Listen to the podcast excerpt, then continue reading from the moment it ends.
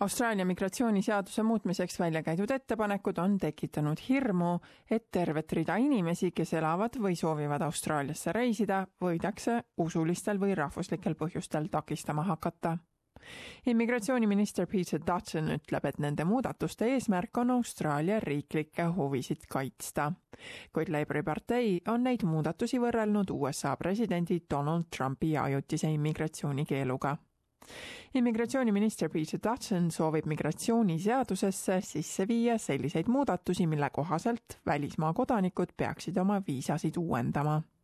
Labori partei on neid välja käidud muudatusi, mida praegu parlamendis arutatakse, võrrelnud USA president Trumpi ajutise keeluga, mis kehtestati seitsmele peamiselt moslemi usulisele riigile opositsiooni immigratsiooniminister Shane Newman ütleb, et nende partei on kategooriliselt selliste muudatuste vastu.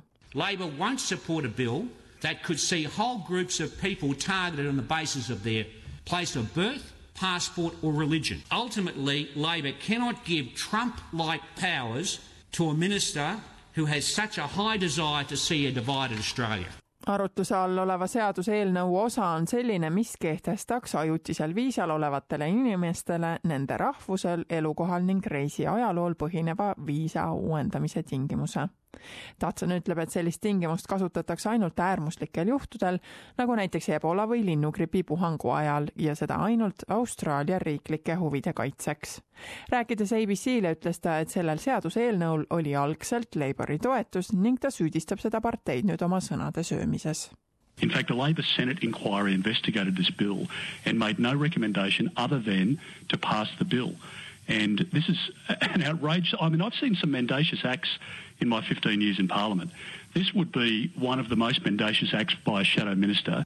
Marianne Dickey Austraalia Riikliku Ülikooli Juura kolledžist on migratsiooniseaduse programmiga, mis viis selle seadusettepaneku parlamendi ette, varem töötanud.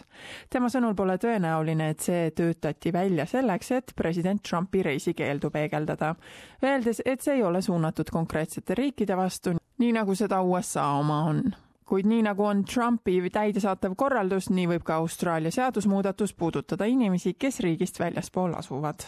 Like the migrants in America who went home for holidays and found they couldn't come back. This is what could happen to people on this visa. So they might have travelled offshore, they'll fall under the provision and their visa will no longer be in effect, which means they're excluded from coming back and they're in a legal limbo until they can validate their visa again uute muudatuste kohaselt oleks Peter Dudsonil võim niinimetatud teatud klassi inimestel käskida läbida lisakontroll, juhul kui see oleks avalikkuse huvides seejärel võib viisa väljaandmisest keelduda, juhul kui inimesega seoses leitakse kahjustavat teavet. kui Hudson seda seaduseelnõu eelmise aasta oktoobris tutvustas, ütles ta, et see aitaks maandada riske, mis on seotud uue kümne aasta pikkuse viisaga, mida Hiina külastajatele pakutakse. kuid Labori partei parlamendi liige ning terrorismivastase võitluse ekspert Anne Ali ütleb, et kahjustava teabe määratlus on ebapiisav ja liiga lai While the bill is designed to apply only to the 10 year visa for Chinese visitors, the powers within the bill could well extend beyond the visa class to any visa class or indeed any group of persons. ta ütleb, et immigratsiooniministril oleks selles küsimuses liiga palju võimu otsustamaks, mis on avaliku huvi seisukohast oluline ja mis mitte The ministerial powers to determine public interest in order to require revalidation checks on entire groups of visa holders is not subject to the kind of scrutiny and accountability that Australians deserve and are indeed used to. Tiki sõnul seisneb selle viisa tõeline oht aga selles, et viisal pole midagi pistmist inimese viisakriteeriumitega.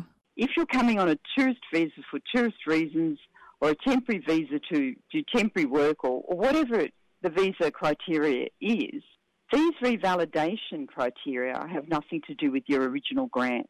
So you're asking people to constantly find a new reason why they should be allowed back in the country. Labori partei kaalub senatis nende ettepanekute seaduseelnõust eemaldamist, et teised mitte vastuolulised muudatused saaksid seadusesse vastu võetud. üheks selliseks muudatuseks on lennujaamadesse iseteeninduspunktide SmartGate laiem sisseviimine